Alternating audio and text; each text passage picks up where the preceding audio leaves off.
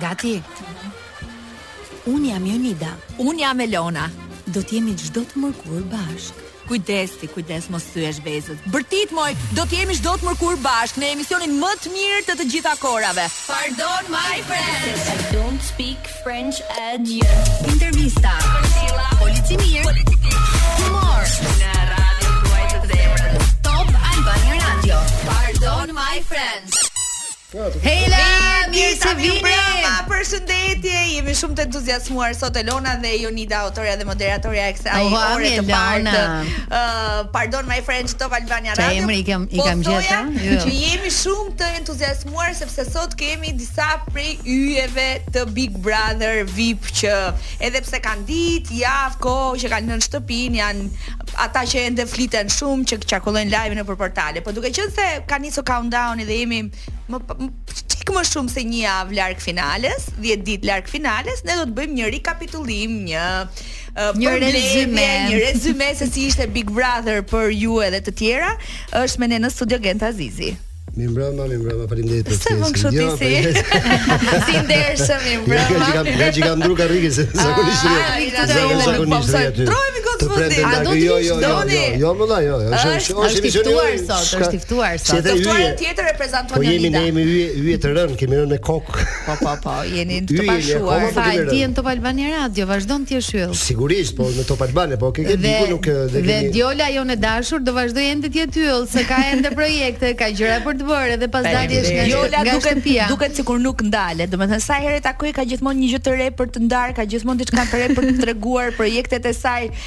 familjen e gjitha. E së pari më vjen mirë që jeni mirë me shëndet edhe. Se kishte ca dieta të fundit, po që s'e mora dot si. Shpejt, na duhet. Ikëm shpejt. Ja, jo, unë unë unë nuk është se unë bëj dieta, po pak për të ushqyer është e mirë. Me... Po pra, ky është koncepti im i përgjithshëm që un jam uh, totalisht kundra dietave, po jam pro një regjimi edukues që kur edukon atë frigoriferin që ke në shtëpi, edukon gjithë familjen dhe un dua që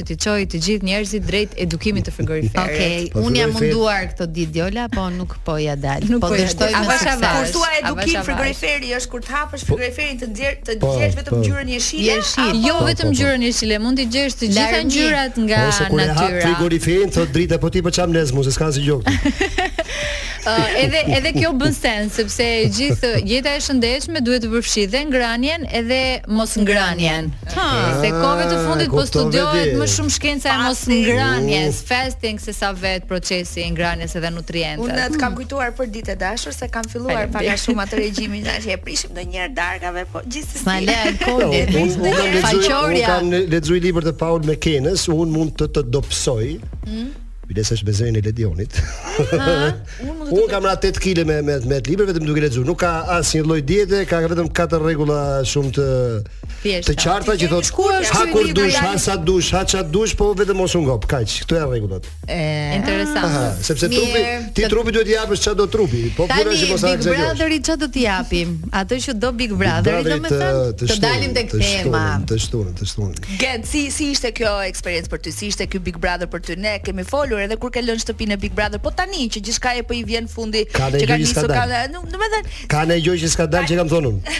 A ka nej gjë që s'ka dalë? Të thash ke akti tretë. Ti je shumë i lumtur se Tash ka akti tretë. Po, ke akti tretë ikën mbretëresha e keqe e thash, në akti parë u vra mbreti që isha unë.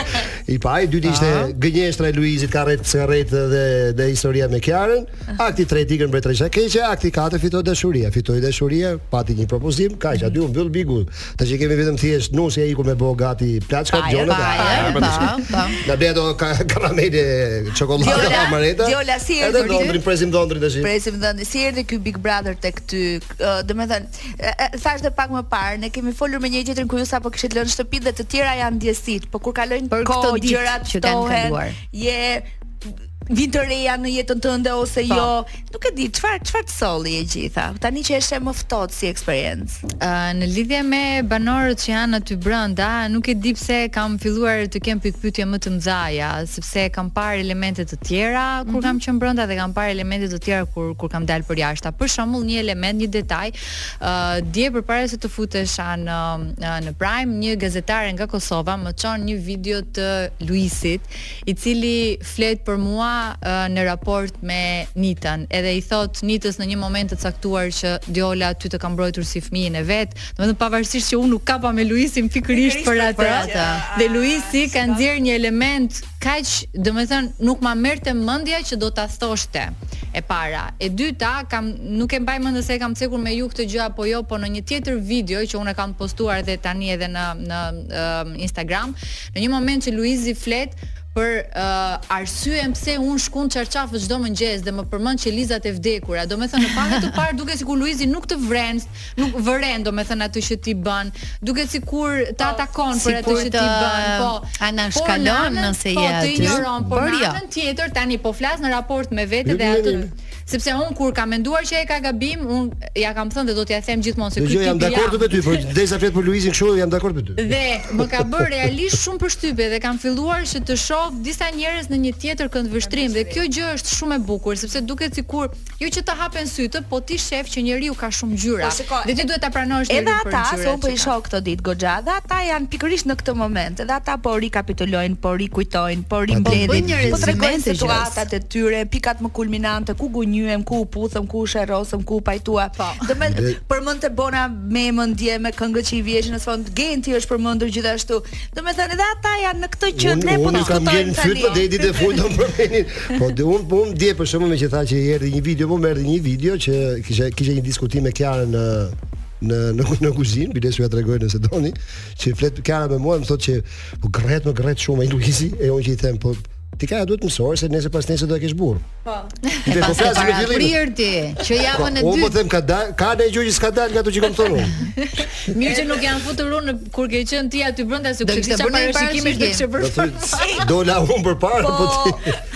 Ju ju merr malli kur kujtoni ditët tuaja në Big Brother? Patjetër, të merr okay? malli dhe ne atë kur edhe kur japim mendime, unë e thashë një çikë sot edhe në në te top uh, newsi, te breaking edhe nga një ne gjykime ne bëhemi subjektivë se ngaqë kemi qenë vetë brenda,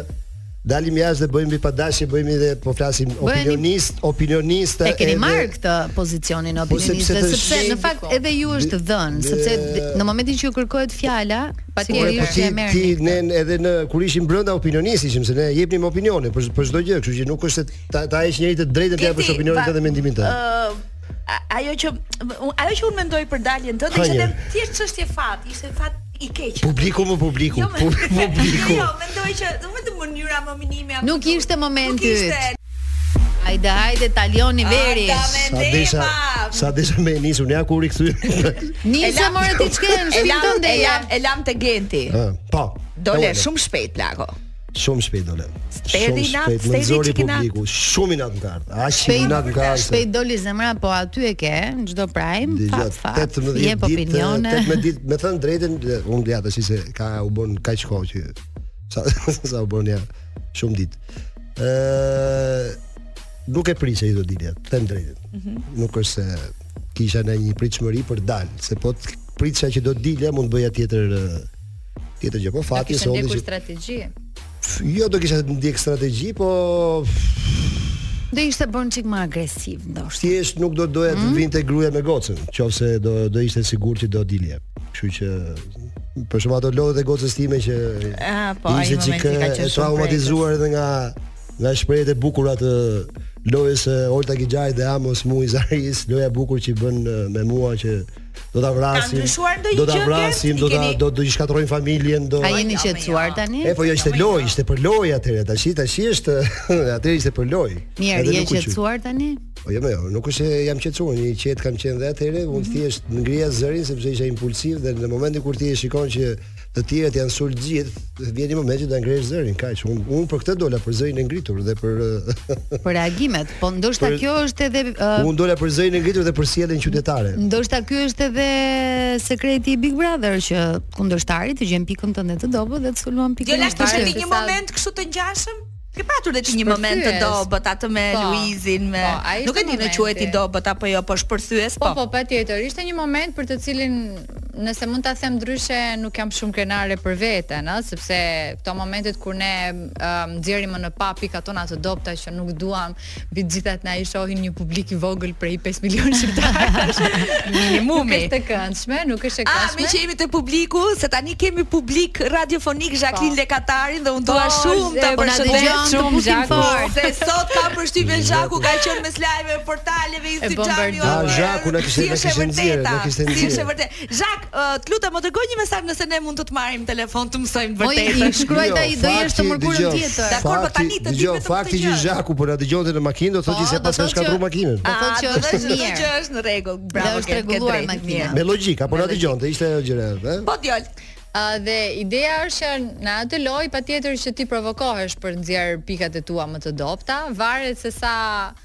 Biem pre e provokimeve. Megjithatë, ne prandaj jemi të gjithë të bukur se jemi të ndryshëm, edhe kemi ngjyra të ndryshme, siç kemi të bardhën, të kuqen, kemi edhe ngjyrën tonë të zezë dhe duhet t'i pranojmë të tjerët edhe për ngjyrat e zeza që që ata i kanë. Është pjesë, dikush futet me një strategji, dikush futet me lojë, dikush futet për të qenë thjesht vetvetja. Ne dikush futet për qejf, për qejf, po, të kaloj, futet me idenë për të ndenjur thjesht një dy javë aty brenda se me të vërtet përtej uh, gjithçkaje. Unë dua uh, me dorë në zemër të falenderoj uh, produksionin. Um, shumë faleminderit uh, për të gjithë mundësinë që na kanë dhënë sepse me të vërtetë Big Brother VIP është një trampolin suksesi për këdo nga neve që ka qenë ka pasur fatin që të jetë pjesë e Big Brother VIP. Biles, meqë po mbaron Big Brother, ja t'i t'i themi produksionit ia shtim mend të na lejë dy javë mrena ke bi ke shtëpia, pa shef, pa gjë. Bëj bëj pushime, bëj bëj pushime dy javë. Meqë po mbaron Big Brotheri. Pika pika pika. Çka ka ndonjë gjë që duhet të themi, të vlerësojmë, të kujtojmë? Uh, ajo që unë do doja, nuk e di se sa do realizohet, por aty brenda kemi folu shpesh që kur të dalim përjashta dhe të nxjerrim disa prej tyre ato fytyrat e vërteta, pra mm -hmm. sepse aty mund të kesh disa maska, uh, pse jo mund të krijojmë një rrjet shumë të mirë bashkëpunimi ose pse mos të jemi ne me njëri tjetrin okay, ose pse mos të jemi miq shumë të mirë me njëri tjetrin, se secili nga ne është kaq i ndryshëm, po është kaq i bukur. Më beso. Dhe ka aq shumë vlera aty brenda. Secili edhe Genti, edhe Luisi, edhe Kiara, Efi, të gjithë domethënë. Kështu që pse mos të krijojmë një lloj uh, rrjeti dhe të ruajmë ato kontaktet. Shumë mirë e ke menduar, por më beso që inati Big Brother. Besoj që nuk ndodh. Jo, ku, zgjat shumë nga eksperienca dhe nga eksperienca. Për shembull, ti gjet me këtë me këtë kërcejë valle në after party në Big Brother. Me Olten. Ja, kam kërcyer një herë me Oltën, kështu që nuk. Jo, jo, jashtë. Nuk, Ka eh, kërcyer fill pas Po, po, sherrit. po, po. Fill Tani- pas sherrit që aty u mor për t'i Të tregoj sa dush, t'i tregoj sa dush qytetarin që dëgjon se duhet të ecin përpara E dhe pra, të unë këtë ndalojmë nuk sherrin. kuptova, pse u mor si Dhe pikë prapë, dobët, ajo mua më pëlqeu shumë. Dhe prapë, jo, po prapë vazhdoi sepse atë eh, qytetarin sot ta marrin për dobësi dhe kaq vazhdoi që këtu e munda dhe vazhdoi edhe një herë tjetër, kështu që nuk eh, unë nuk besoj që mund të mund të kërcej më sepse nuk e kërcej me shoqet ta. Nuk e blej me me ty po je aty. Po edhe të mbash, shiko, un kam përshtypjen. Un kam përshtypjen se edhe mbajtja e këtij inati disi na i po. dëmton që Liza të genti. Ke shumë të drejtë jo. Me të vërtetë, ëh, ah, nuk duhet të jemi. Pse të krijohen ty rrudha para kohë nga inati që mund të kesh ti me Oltën ose me dikënd tjetër. Para punës nuk kam rrudha je 50 vjeç jam. Po Ore mos të krijohen se nuk ke. Më më dëgjoj drejt. Vetëm të mira në në mendje dhe në shëndet. Atëherë ti i mban të mirat në momentin kur tjetri edhe tjetri vetë ka të kërkon ndjesë dhe e kupton se çka ka bërë, ça ça ka ndodhur. Po nuk e menaxhon dot tjetrin në momentin kur tjetri nuk të kërkon. Po jo pra jo, tjetri nuk të kërkon dhe ndjesë për dëmin që ka bërë, sepse aty po po flasim. Tha një rrenë, po e quajmë rrenë atë të Luizi, po e quajmë rrenë, ë po e quajmë. Po ai i bëni dëm vetes vet, se nuk është se i bëri dëm njeriut. Kurse ajo tjetra i bën dëm personit fjalë. Me fjalë ti ti shkakton, ti shkakton. Ti shkakton. Ti vetes ai se nga. Ti i bën keq, po më ti bën keq personit tjetër që e ke aty afër. Edhe kur e shantazhon, edhe kur e bullizon, në momentin që ti i bën keq dhe nuk arrin as t'i kërkosh ndjesë, po përkundrazi, ia bëra mirë sa shumë e meritonte, ai po tash.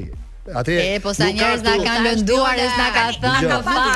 Jola, ka pasur ndonjë moment në këtë Big Brother ku kryefjala Të gjithë e dimë që ka qenë Luizi edhe ngjarje që lidhen me të, njeriu me shumë popullaritet e gjitha. Ë, ka patur në një moment të kjo që mos mos nuk ishte ky Big Brother që unë duhet isha. Do isha në një Big Brother tjetër, do do më shkonin gjërat më gjatë, më mirë, më. Ka po. patur ca reflektime në në mendjen tuaj. Shiko, të jem e sinqert, unë kur jam futur, jam futur fiks në ditën kur Luizi. Prandaj po të pyes kur Luizi. Luizi tha bëri atë deklaratën po. e vet, edhe ishte një situatë Aq stresuese sa nuk ta përshkruaj dot dhe menjëherë pas asaj ndodhi shpulla e Kevinës. Po. Dhe un për herë të parë në jetën time jam ndier Të cilën e kemi pas jam pak, ndier po. shumë keq, jam ndier shumë keq edhe kur na kur na u drejtua Arbana me fjalën banor dhe nuk na tha yje, domethënë kur u fut në në prime. Mua sikur më më iku fytyra dhe kam ulur kokën dhe më ka ardhur kështu, më ka ardhur si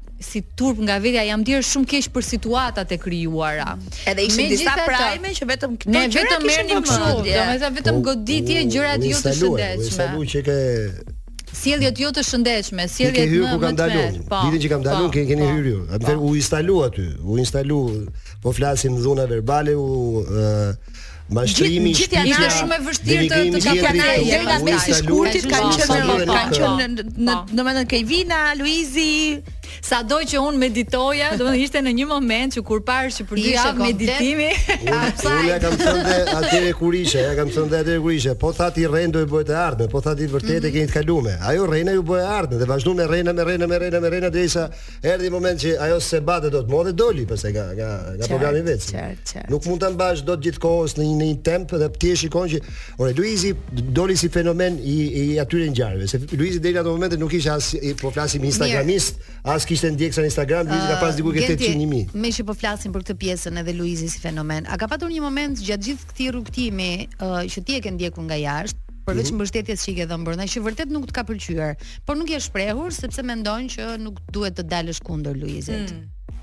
Nuk e, nuk e kuptova pyetjen. Domethënë gjatë periudhës që ti ke uh mhm. -huh. qenë jashtë, se ke treguar në çdo prime që ti e mbështet, se ke mbështetur dhe kur ke qenë brenda në shtëpi. Po. Uh, ka patur ndonjë moment gjatë gjithë këtij rrugëtimi deri uh, në prime-in e djeshëm që ty nuk të ka pëlqyer një gjest, veprim apo diçka që ka bërë Luizi dhe ti në fakt nuk je shprehur.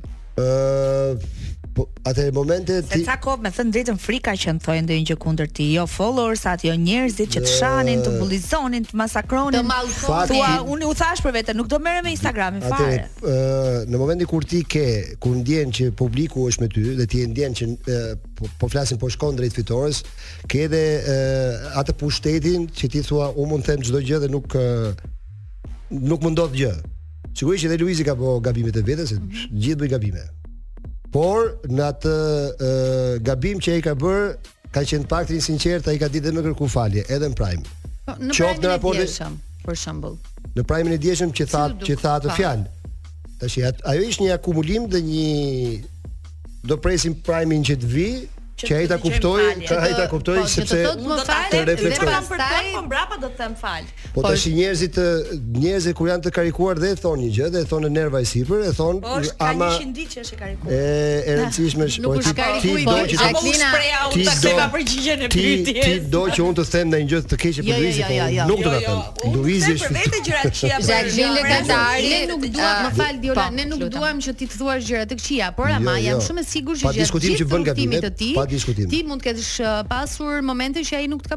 pëlqyer, siç mund të kemi pasur ne edhe për njerëz të cilët i kemi mbështetur dhe i njohim edhe nga jashtë. Po. Po.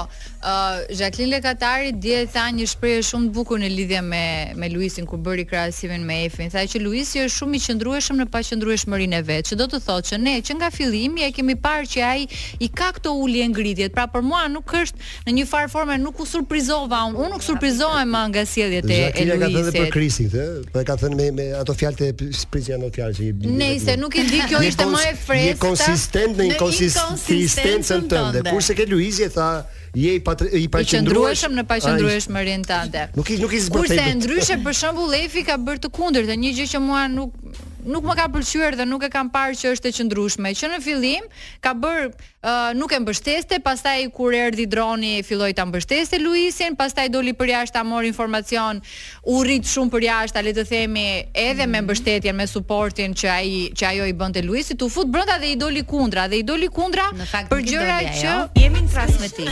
Jemi. Kur ndizet ah. kjo e kuqja. Po, po, e dimë, ne e dimë. Jemi në transmetim dhe me ne tani është Jacqueline. Unë mendoj. Përshëndetje vajza. Mendoj se jam kështu. Jo, jo, jo, jo.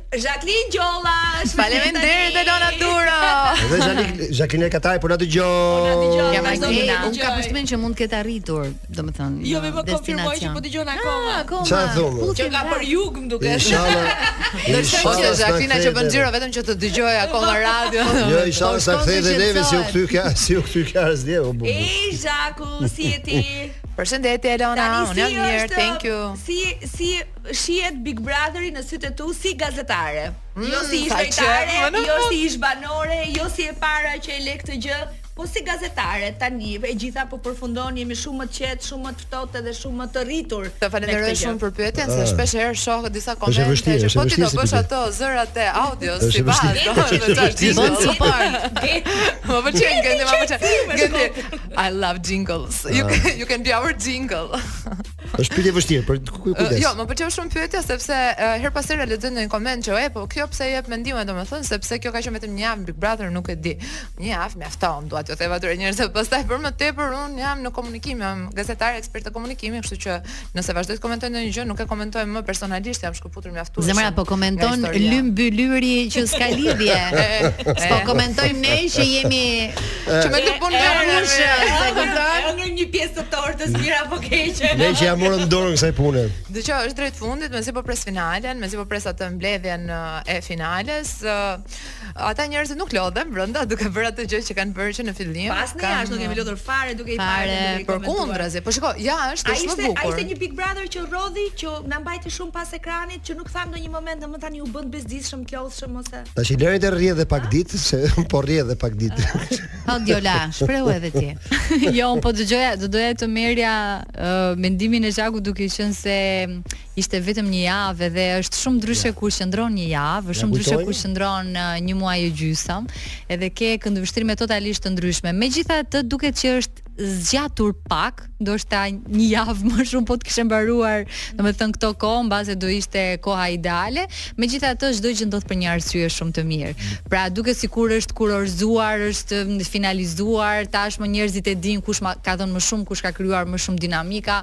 u krijuan lidhje, u mbyll cikli i romancës, duket sikur gjërat kanë kanë përfunduar le të themi aty, edhe këto ditët janë ato ditët që mezi mezi i presim. E shef, atëherë unë po të përgjigjem në vend të Zhakut, meqë ishte të Zhakut. Faleminderit që më ftuat. Më mirë dëgjoj. Më mirë pak e saktë se sa shumë e për lumë, i thonë se po. Zhak, Vazhdo, Zhaku ishte për ty pyetje. pyetja. Në sytë tu si e shikon sot po, po, Big Brother në sytë tu? Për t'u rikthyer tek Okej, pyetja e parë. Zhaku sytë i ke mirë tash. Zhaku Djola gazetare. Unë mendoj që ë kishte momente që tham pse, megjithatë nuk na kanë lënë të biem në tokë. Në syrin tim kjo historia e Efit edhe e Luizit, që shumë njerëz të tjerë pastaj thoshin pse nuk komenton, pse nuk komenton. Ishte pak e thurur, edhe unë isha e kësaj ide se Luizi vërtet po më përpiqej ta ngrinte Efin sepse nga çfarë është parë, po. Për ta çuar në finale. Se tani dhe kjo për ta çuar në finale është e madhe, po ideja është nuk e mbaj mend të tha dikush dje, më duket tha diçka. Më shpjegoni një gjë. Si hmm. mund të duash të ngresh një person duke e fyer dhe duke bër të pamundurën që ai të ndihet keq. Kush të shan të don? Ë problemi jot është ti kërkon shpjegim. Po pra, mos kërkon shpjegim fare. Sepse ti të unë mendoj që do të ta çonte. Pse ta them? Sepse në rrugëtimin e Luizit ë ose në në rrugëtimin e këtij Big Brother ti kupton që njerëzit duan të dhurojnë spektakël aty brenda, pra duan të dhurojnë spektakël me sherre, me fyerje, ashtu siç nisi që javën e parë se përmendi diçka Djola, duke krijuar protagonizëm. Pra, në momentin që dy persona kur Djola filloi direkt të zihej me Oltën, u krijua një protagonizëm i ri, një duel i ri. Po, pra, ishte Olta që më zgjodhi mua, pastaj më zgjodhi mua, nuk është se fillova unë, si Në momentin që ndodh kjo, ndodh kjo historia, ë aty krijohen protagonizma dhe duele. Pra, dy njerëz ngrihen duke u zënë së bashku ose duke u dashuruar së bashku. Sherre dhe dashuri janë dy pra, gjëra që ecin më shumë. Ti po thua që ai uh, e bëri Efin protagoniste për ta çuar në finale me dashje apo pa dashje. Jo, un them që sherri u krijua për këtë lloj arsye. Po, Pastaj a ka pra, ndikuar apo jo, është histori më vete. Po, dhe i bie që ai nuk e donte Kiarën në finale. Unë mendoj që nuk e donte Kiarën në finale, sepse edhe në momentin që Kiara doli nga shtëpia në prajmin kur Kiara doli nga shtëpia për pa, pas unazës. Jo, tani okay. herën e dytë. Po pse shkon ke Luizin se s'e kuptoj. Po aty shkon gjithmonë vetë. Pra, shkon gjuha ka të dhemb dhëmbi. Vetë be ku ku i dhemb Luizit. Po po thosha këtë që uh, Luizi në këtë Big Brother, nëse ky Big Brother ishte një telenovelë, Luizi arriti që të ndërtonte skenarin e vet edhe të bëhej protagonisti. Pra, domethënë e shtjellonte dhe e shtjellonte si sherrin, si shamatën, si ku di unë gënjeshtrat e veta, dashuritë e veta, arriti të shtjellojë në mënyrë të tillë që veten të mos e heqë asnjë në asnjë moment nga spotlight, nga po, nga drita. Më kujtohet një moment sherrin e e parë, ndoshta edhe të vetmin që pata, përplasjen e vetme që pata me me Luizin. Dhoma e gjumit. Uh, pasi dolëm nga dhoma e gjumit, ishte rasti kur uh, erdhi rezultati i analizave për Nitën dhe unë që i them, "E shikon, më kupton tash pse unë shpërtheva, sepse nuk flisja dot për këtë gjë, se s'më takonte dhe nxora gjëra të tjera, të tjera, të tjera me radhë." Dhe Luizi në një moment ndërkohë që unë isha super e acaruar dhe që i flisja, më thoshte, "Tani më pëlqen, tani po luan." Fillova të analizoja që pse ma tha Luizi këtë, sepse gjatë gjithë kohës ishte shiko se ti je po. një vajzë shumë e qetë, po. shumë e edukuar edhe Këtu nuk po nuk duhet ajo, duhet të shpërthesh. Dhe kur ma tha atë fjalën që tani po luan, tani më pëlqen, thashë domethënë, unë nuk isha Jola aty. Mm -hmm. Unë isha totalisht një person pra, që i kisha nervat tym, i kisha po. nervat tym, isha duke shpërthyer dhe faktikisht u bëra protagoniste me atë sherrin, pra dashur pa dashur, duket sikur po e faktorizon Luizi. Jo, është formati i tillë i cili ty të bën protagonist ose nëse ti ke një romancë ose nëse ti bën një sherr ose nëse bën ndonjë tip budalliku. Pra unë nuk do ta formati, shiko, formati ë uh, nuk e di të, për t'i futur formatit, po ajo që ecën në publik, pra dihet që në kohën e Pulitzer, e Joseph Pulitzer, që janë skandali, dashuria dhe drama. Pra. Edhe ë uh, kushdo që të jetë në krye të publikut, ja edhe Gent Azizi që u mërzit. Konfirmon. Jo, jo, jo. Ne nisëm bisedën. Ah, do të flas, do të flas. Mm. Ashtu ashtu ja këtu këtu Të rriqem, unë e shef që s'po flas. Konfirmoj pra. ja te kemi, ja te kemi. Ja te kemi me mirënjohje për kace. po thonim ku e lamë apo? Po thonim që që nga koha e Joseph Pulitzer. Si si si drama, seksi dhe krimi janë ato që ecin në publik. Edhe me sa duket, shumë njerëz të showbizit shqiptar e kanë kuptuar më së miri këtë histori edhe e përdorin në mënyrën më të mirë të mundshme, nuk e vrasin shumë mendjen pra për çfarë mund të thuhet nga mbrapa dhe u japin ushqim ushqim thashethemesh mm -hmm. uh, të gjithë popullsisë shqiptare dhe ne e dimë gjithë që askush nuk shkon në punë të nesërmen pa u përgatitur se çfarë do të thotë në mësim për Big Brother në vend. Je je penduar, je penduar për ndonjë gjë? Jo, nuk jam penduar, Elona vazhdo të më pyesë. Ah. Ta kam thënë, pendohem, pendohem herë pas here kur shoh për shembull një debat, një diskutim ose diçka që ndodh dhe them si nuk jam dhe unë aty, por kur mendoj që janë dhe 23 orë 55 minuta të tjera të ditës që duhet të kalohen po aty në ato mure, me ato ngjyra, Unë nuk isha tipi me sa duket. Uh, por para se të shkëputemi për këtë pjesë të parë të programit, se edhe Djola duhet të largohet nga ky grupi jonë i lezetshëm. Mm. Kemi bërë një forum të këndshëm këtu në Top Albania Radio. Uh, vërtet po flasim për Big Brother, por uh, ju ishit protagonistë të një uh, formati televiziv i cili ndoshta në një farë mënyrë i dha mundësinë të gjithëve që të zhvillohen edhe në anën e tyre personale dhe profesionale. Çfarë ka ndryshuar te ty zemër gjatë gjithë kësaj periudhe edhe nëse ke ndonjë projekt. Përpara po. kësaj më sqaro mua ato tre yjet i ke në shtëpinë tënde? O zot. Se ka një keqkuptim popullor, mund të na e thuash? Atëherë, ato tre yjet nga momenti i parë që unë kam ardhur dhe jam shpërngulur nga Kosova këtu kanë qenë me mua vitin e kaluar. kanë qëndruar shtatë muaj me të jatin, sepse nuk janë përshtatur dot të jetonin në shtëpinë time të vogël. Arsyeja pse u futa në Big Brother është që unë të marr shtëpinë time të madhe. Okay. Dhe kanë qenë vetëm shtatë muaj me të jatin, janë rikthyer dhe kur u rikthyen, u rikthyen në shtator, në janar u futa në Big, në Big Brother. Shkuan Kjo ishte babi. gjitha dhe janë. Shkuan prapë te babi. Jo, nuk shkuan te babi. Jo, nuk shkuan te babi. Kanë qëndruar me prindrit e mi, kanë qëndruar me zonjën që kujdeset për to okay. dhe me tre veta që ishin okay. 24 orë në gatishmëri për to. Na i puth fort nga ana jonë. Edhe sa të të vogël. Ai di, ka shumë ndër të gjitha. Dëgjo. Po, të rejat profesionale tha Jonida dhe ato private. O po. po. Private në dashuri. Lajmi jo, jo, jo, jo. portal Diola. Se e di që vdesim ne për këto muhabete. Shiko, të themi këto profesionale të private nuk më intereson. Uh, Se këto privatet ka patur shumë të kohë. jo, për zotin nuk kam pasur kohë të merrem me to. Uh, kam një çik problem me gjumin tashi se, sepse ngaqë po bëj disa gjëra paralel, edhe librin, edhe një projekt që do ta lançoj pikërisht me datën 6 maj kur të jetë ah, finalja. Do vish pas një javë më pas apo me shumë qejf, okay. po, me shumë qejf, edhe pa dyshim Big Brother VIP ka qenë për mua një trampolinë suksesi dhe unë po përpiqem të menaxhoj veten në mënyrën më të mirë të mundshme. Kështu që faleminderit Top Channel, faleminderit Big Brother VIP për gjitha mundësitë që na ka dhënë edhe e them kështu me një mirënjohje shumë të madhe. Kurse Kurse nga aspekti personal jam akoma shumë. Top Albania Radio. Nuk e di. Top Albania Radio gjithashtu patjetër po është Top ombrella Top Media. Po personalja pse apo s'nu? Po ku kam kohë, unë nuk kam kohë të rri me vajzat e mia. Po nuk duhet kohë mi natën po. natën mezi pres të fle gjumë. Natën po. Në po ja pra s'kam gjumë, po që zjat po. Të tre minuti. Po jo la nuk do dhe shumë kohë, motër. E di, e di, por po. um, përpiqem ta kursej atë energji. Nuk e kam fokusin, unë mbrij çdo gjë kur kam fokus, edhe nuk dua shpërqendrim. Mashkulli për mua për momentin është thjesht një shpërqendrim. Ah. Po. Ëh. Ashtu ëh. Për ty Zhaku nga ana jo. profesionale dhe personale. Zhaku është kompletuar. Unë s'ua dal dot katër gocave këtu, nuk e dal dot se nuk e. Ore unë tek e tek nuk e dal dot gruas në shtëpi, jo, jo katër gocave jashtë. Mos mos vetë këta ata të tij. Jo, po flas nuk e dal dot. Po flas nuk e dal dot një që kam shtëpi jo katër që janë jashtë, po. Po flasim me argumenta, në argumenta, në argumenta. A beson që do të jetë gjithmonë logjikën e keni fort. Që do të mbahet më mend më gjatë mend nga nga jo, nga të gjitha. Jo, thuhet gjithmonë, po vjen ai që është më pas. Edhe. Deri tani po, nuk e di ndoshta. Do na dalë çudi tjetër. Një gjë i ka lënë kufit e Shqipërisë si si ky Big Brother, se i ka kaluar kufit e Shqipërisë. Edhe unë kështu me Gentin, nuk e di. Nuk e di. Ne kanë kalu. Po shiko, skemën e Luisit mund ta përdorin edhe individë të tjerë që do jenë pjesë e Big Brother VIP në të ardhmen. Mundet, e mundur edhe Nuk i dihet. Tash italian, ai italiani thotë la supposizione è la madre di tutte le cazzate. Po, un jo, un mendoj që mund të sjell një lloj uh, historie tjetër kjo po. uh, kjo historia e Luisit, domethënë në Big Brotherin tjetër, që do ketë uh, modele që do duan ta ndryshojnë pak. Domethënë ne që në këtë Big Brother, pa, po. pa më modele. Kështu mendoj ne, un jam me Zhakun. Uh, e po ne ja fusim kot. Se ne jemi gazetarë dhe duam të shohim pak çfarë bëhet. Ne ne do përcjellim Violën tani. Uh, nuk ishin mirë sa Faleminderit.